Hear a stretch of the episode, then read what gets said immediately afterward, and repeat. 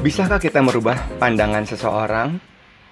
Bisa iya, bisa enggak, tergantung bagaimana cara kita membangun relasi yang baik dengan mereka. Topik hari ini berhubungan dengan pengalaman saya pernah bekerja di dunia profesional.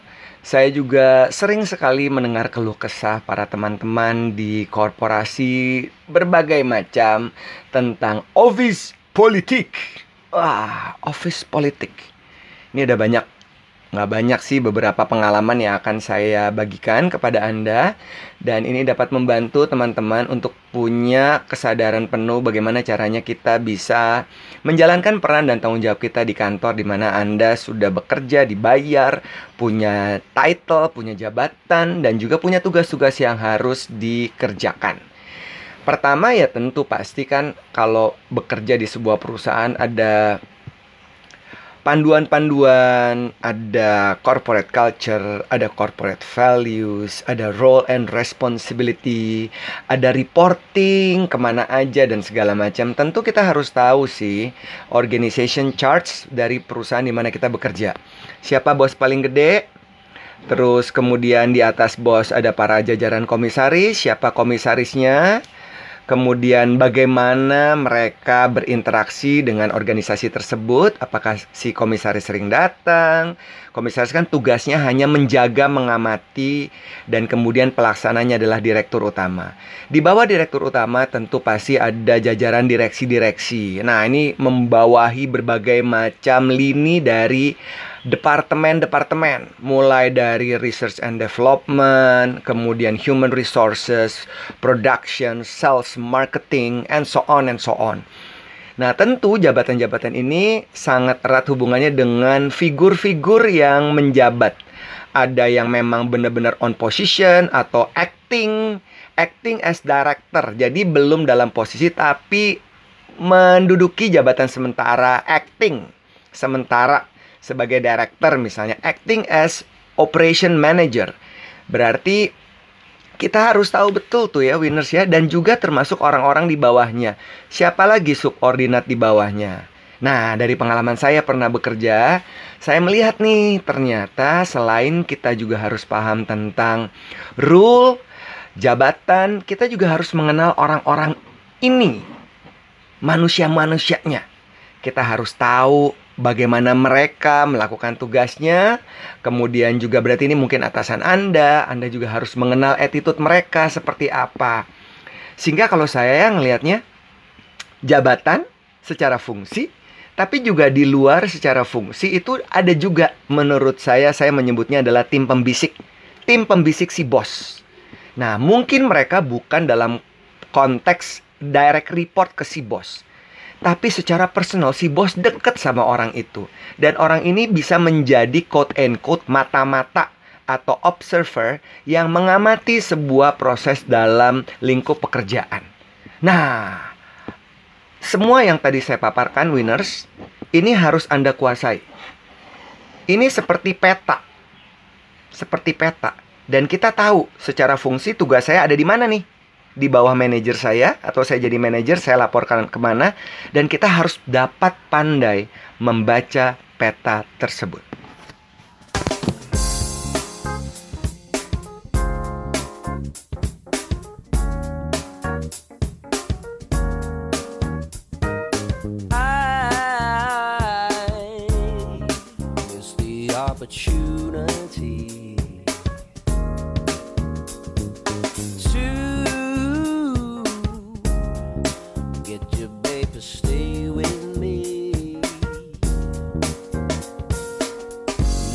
Thought I'd regret the excuses that I've made. Like a song, it'll fade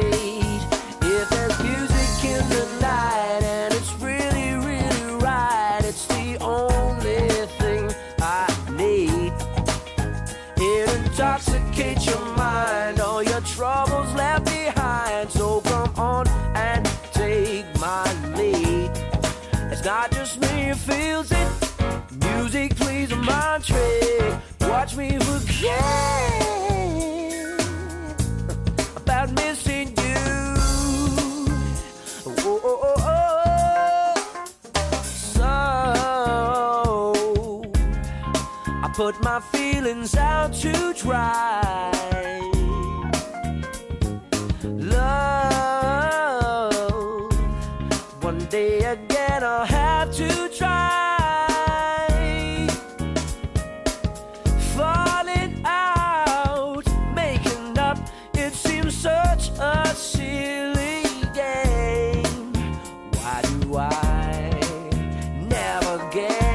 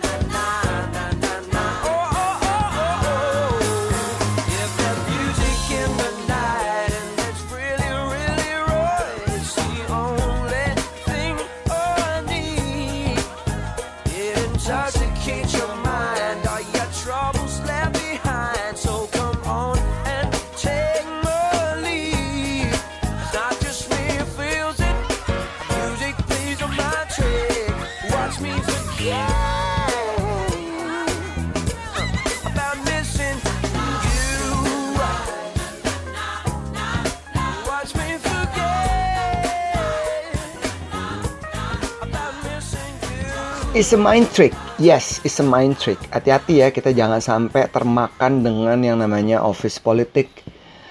Eh, teman-teman, winners, Anda harus lihat betul siapakah orang-orang yang oportunis in your environment, in the office. You have to know them. You have to invest, in- investigate them.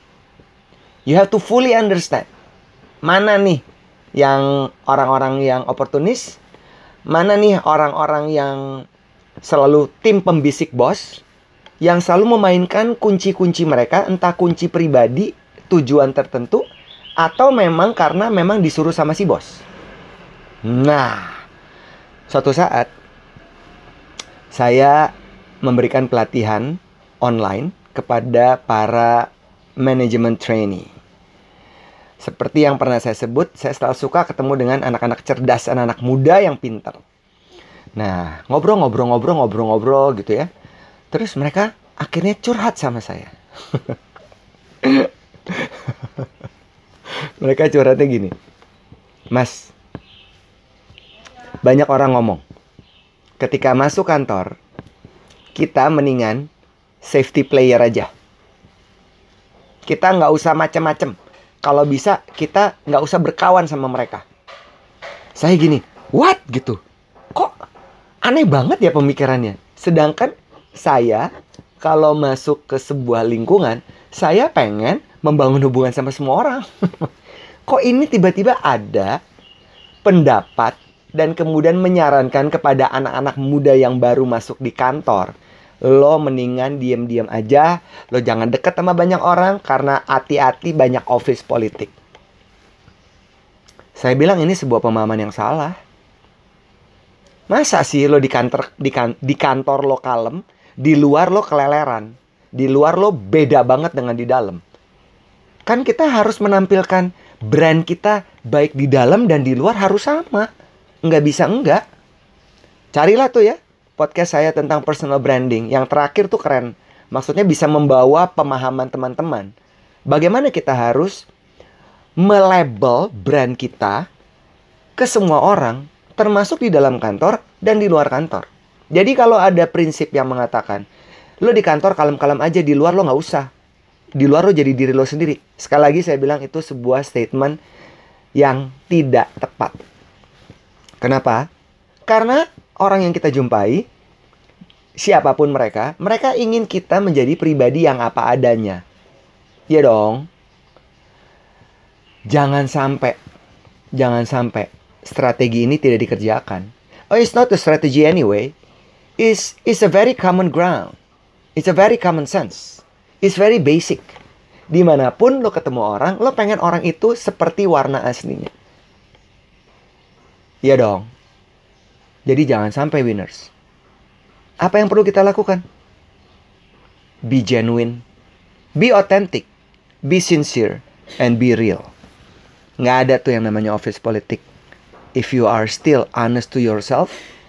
and- Dan yang tadi saya bilang di awal. Kita tahu petanya.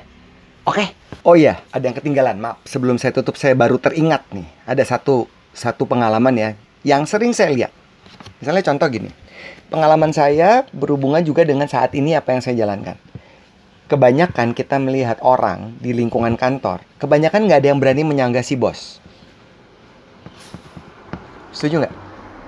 Misalnya nih ya, mau second layernya kek, mau subord, apalagi subordinat di bawahnya. Kalau si bos ngomong A, kebanyakan semua orang akan please the boss akan bilang, bos ini jitu, ini keren, ini, ini, ini, ini.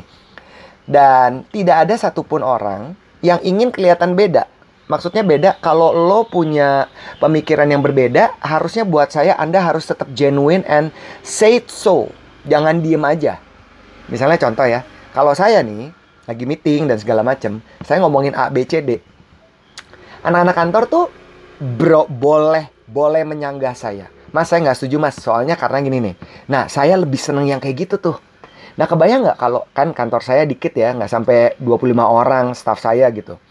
Tapi kalau perusahaan udah makin gede, korporasi besar, internasional dan segala macam, itu memang banyak sekali politiknya. Tapi kalau Anda punya pemikiran yang berbeda dan memang pemikiran ini Anda yakini memberikan jalan keluar yang terbaik, winners, lo mesti ngomong, lo jangan diem aja. Come on, dare to be different. Jangan diem aja. Karena kalau kita menjadi sama seperti mereka, kita tidak akan menonjol. Tapi yang pasti omongan-omongan kita, saran-saran kita, termasuk perilaku kita harus dapat dipertanggungjawabkan.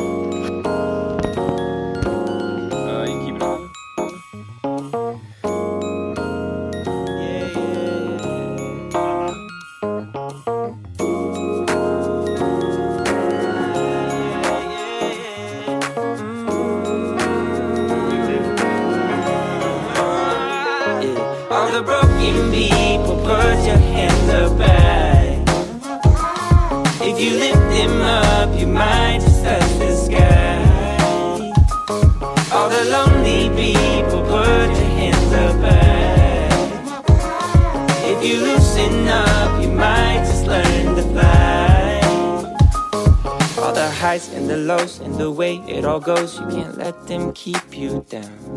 If you're lost, if you're broke, if you're stuck on the road, you can turn it all around. Cause we gotta trust in love, something that can't be touched. A feeling to lift us up, all in the name of love. All the broken people, put your hands up high. If you lift them up, you might just touch the sky. All the lonely people, put your hands up high. If you loosen up,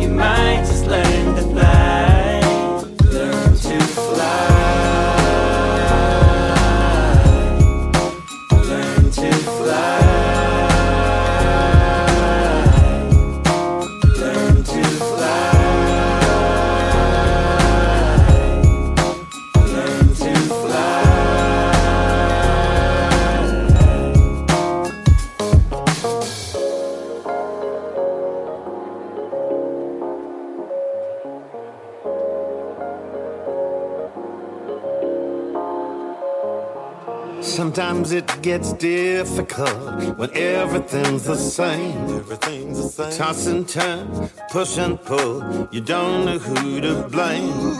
But there is always something to hold on to in your life.